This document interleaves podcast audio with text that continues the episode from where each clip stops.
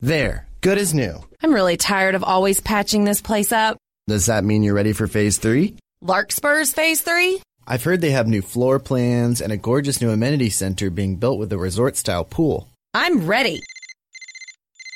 What's that? My phone. It's in the wall. It'll go to voicemail. Good. We're going to Larkspur. Visit larkspurtx.com to learn more. I'm gonna roll on. Let's roll. Yeah, just wait. Yeah. After show here. We um we started doing an after show, Becky, and um Oh, cool. yeah. So I think it would be, and sometimes we keep the guest on for the after show, and sometimes we just do it ourselves. But I think I I have an instinct that we should do it with the three of us. And I have an intuition that you are correct. Oh, good. We're we're learning to trust. Trusting is good, and trust yourself because I tell you what, nobody else has the answers. We we all we come to you because really, I mean, and, and so often you just reinforce what we already know, and we need it. We need an, a neutral party to do that because if your husband does it or your best friend or your mom, you're like, yeah, yeah, yeah. But when when someone with an intuitive title does it, then it's gospel, and I'm okay with that. Sometimes I I still need you.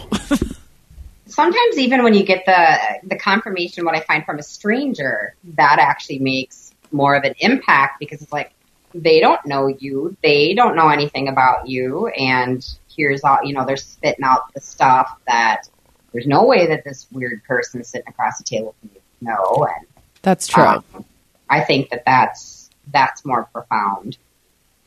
I, I actually I, I wrote down like four or five. I could have probably had ten or fifteen, but just just for fun, four or five interesting points that resonated with me personally, and I'm sure different points resonate with different people. But at the very end, when you guys were talking about uh, seeking to understand other people, I feel like empathy is one of the most lacking things in not just American culture and society, but you take and if you think about it and go a step further and i know becky you're not you you might not be all over social media if you're not super technologically if you're not diving in but people are able to craft basically little cocoons on instagram and twitter and facebook and communities and you can essentially just line your entire communication ecosystem with validating information People just like you.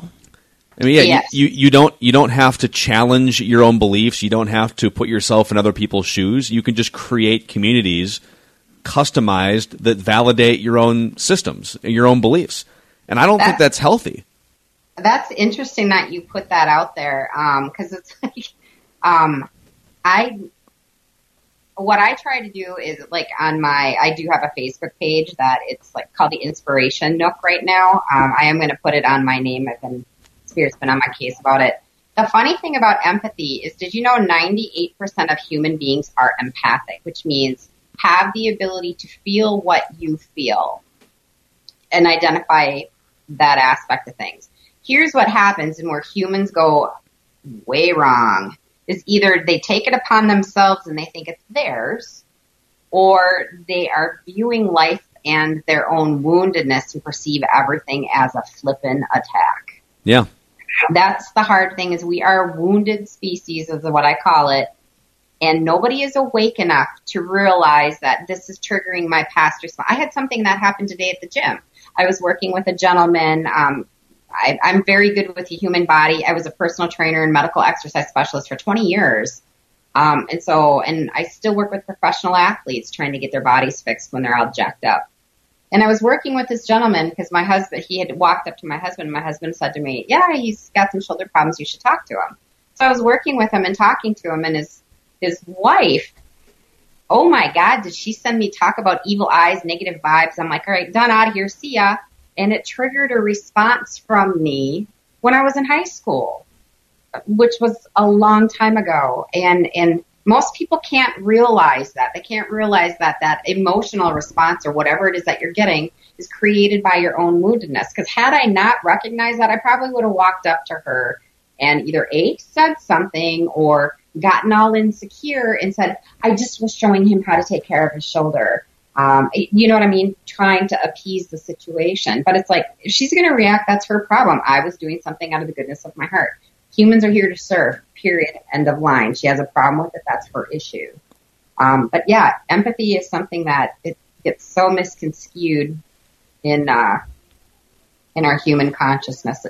Do you do you do you find it for you personally when it comes to intuition? Is it I I'll ask it this way. I I, I did a podcast a couple years ago um, called How to Live a Cool Life, and I actually had two different I had a, I had two different sports psychologists talking about emotional intelligence and you know having having more control over your emotions and your actions. And and one of them the way that he put it was and he was describe, describing how elite professional athletes in an arena of 18,000 people are able to stay calm and hit a free throw and, and not have their hearts race and and he said the ability to put space between the stimulus and the response so the stimulus being something that happens physically or mentally, and then putting space, observing it, putting space around it before you act or before you speak or whatever it may be.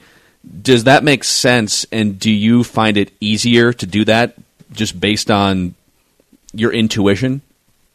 Um, I think what you just said is probably, I have to say, is the wisest thing that I have heard.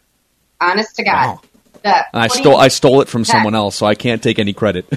but that is just really cool. That because it describes what people should be doing.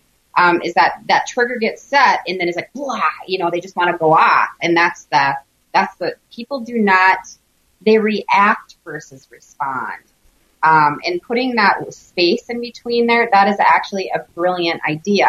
Um, I will tell you, I had to teach myself how to do this. I um, I'm I am a Leo by trade, and I'm very type A, and uh, I'm very I can be very I, I used to be I'm not anymore, but I'm very opinionated, very passionate, very um, type A, and so I used to be very reactive, but eventually what started happening is that when you would get reactive, people would respond back, and then I shut down.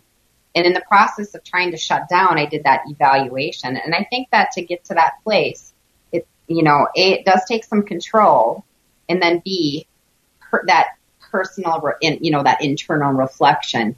As you start to notice that, that's where your unconditional, um, compassion and love rises up. And it, that's what slows that reaction time down. And um, I would, I would say from any like therapy standpoint, even taking intuition out of it, 99% of the time, someone else's reaction has nothing to do with you. And we take it in and we take, make it personal because to your point, Becky, all of these past wounds and how we've been programmed in our family, our relationships, etc. But it rarely has anything to do with you. And so it's, so if you can slow down enough to not then project it out, usually the situation you can diffuse the situation. But of course, we're all going to be working on this the rest of our lives. Yes, and with what's taking place, um, I know Beth, we kind of talked a little bit about this, but there's some big energetic stuff coming. Actually, initiated today. Um, we have an eclipse coming up on the um, a full moon with an eclipse on the seventh of August. Um, with that, it's setting off a huge chain of events. Um, on the 8th of the Lion's Gate energy. And when that comes in, it's just like, you know, it's very forward moving and it's aggressive energy. And then on, I think it's around the 21st of August, we have a new moon again and another eclipse. That has not happened where you have have that centered and anchored in Leo since 1999. And, and not again until, oh, I'm sorry, Becky, not again until yeah. 2024 or something, uh, right? Yeah, Exactly. Yeah. So that it's, you know, from an astrological standpoint, energetically, eclipses are crazy. Um, and then we have, I don't know if you've heard of the particle convergence or the, har- I call it the harmonic convergence. Where's Derek when we need him? yeah, our, our, our, resident nerd is not totally here today. This. He would know. well, darn it, resident nerd. We'll ask um, him. But that's coming sometime in between the 20th and 23rd, I believe, of August. And what it is is like think of the heavens falling down, and it's not down in a bad way. Anchoring here. I will be frank with you, it's going to cause a hell of a lot of chaos for people that are not awake. Again, remember I, the analogy that I use for people. You guys will understand this, um, but imagine sitting in a very dimly lit room and you've been in there for, for years, many, many years. All of a sudden I come in and I fly open those curtains on a very bright sunny day. It hurts. Hurts. So humans are going to have the same kind of um, response if you're not awake. And you're also going to start to feel people separating, relationships separating, um, things are starting to change, but the worlds are going to be very different. So it's like if you're on your path and you're doing everything that you're connecting to your heart, the people that aren't are not even gonna. It's it's like they're going to be in their own little reality, and so you get to live your high vibe life, and they're gonna muck around in the mud, and that's their own existence. I mean, I I joke about it, and it, I feel bad saying this, but it's like being in Fiji or Iraq. You know, that's Hmm. energetically, that's what we're looking at. Um, you know, and Do you believe how- any of this, Phil? Are you hearing this? Well, I- you, I feel like you my- feel the moons I- and the eclipses. I, feel like peak consciousness means I need to open up my Google Calendar alerts and uh, make make note of the time frame here. You're going to be fine, Phil. You're you're Yeah, evolved and you're you're coming. You feel it though, Phil. Um, here's the other thing that I can do. I can connect with you. Um, I can feel what you got going on in your body, even though you're not in front of me. You feel this. Remember when we were talking about that internal pressure and that feeling like you're almost getting pushed from behind? Um, are you not sleeping well? Like I feel like you're having like either very vivid, wild, fast dreams. Um, that's because you're already accelerating. It's called an acceleration. So I'm being So- shoved from behind, and I should listen. Is that what you're saying? Um, I don't feel like you're being pushed. I feel like you're actively doing it. Oh, You want to be actively doing it. It's you're you're already doing your work. yeah. Does that make sense? It does make sense. Yeah, we should we it, we should take this offline from the afterwoo so I can really spill all my Uh-huh. personal things. yeah. I I, Ah, I think we I'm- should do that. okay. Becky, before we do that, though, I want to. I, I took some advice. I think it was yours. I got to put this out there. Okay. Did you tell me to lay down and look up through the trees because so or was this another healer to look up through the trees because like the light coming through was energetically charged and it was healing light is this do we have this conversation i know you don't always remember I never remember, but that would be what I would say. Something Okay. that I would say is to get outside, be be on the earth, and actually feel the rays of the sun going through you. Um, when the rays of the sun are coming through you, that's where these changes are coming place, and that high vibe energy is actually anchoring in your body. And anytime there's a, a full moon or a new moon, because I definitely pay attention to the moon cycles, they are like hormones to me. Yeah. The nature is what grounds you in those heightened states. You know, good or bad, it's just a heightened energy during a moon cycle. And Yep. and hugging a tree helps. I'm not yes, joking. It, does. it sounds so corny. I mean, if anything, you're giving you're you're entertaining somebody. Um, but it is. I mean, it's good for the soul. I have got the sickest of. Uh, um, but it does. It works. Even just, I always tell people, plant your butt by a tree and read a book for a while, even if you don't want to think about anything. But yeah, getting outside, just go for a walk, whatever it is. Um, taking in the earth energy would really help. Okay, back to you, Phil. Now you can live up to your bumper sticker. I can't, what's my bumper What's your sticker? bumper sticker? Tree hugger. Tree hugger. You you know Maybe I that would. was a different car. no, you know I would never put a bumper sticker on my car. I was gonna say you put that on your Beamer. nope, That'd be funny, actually. no stickers.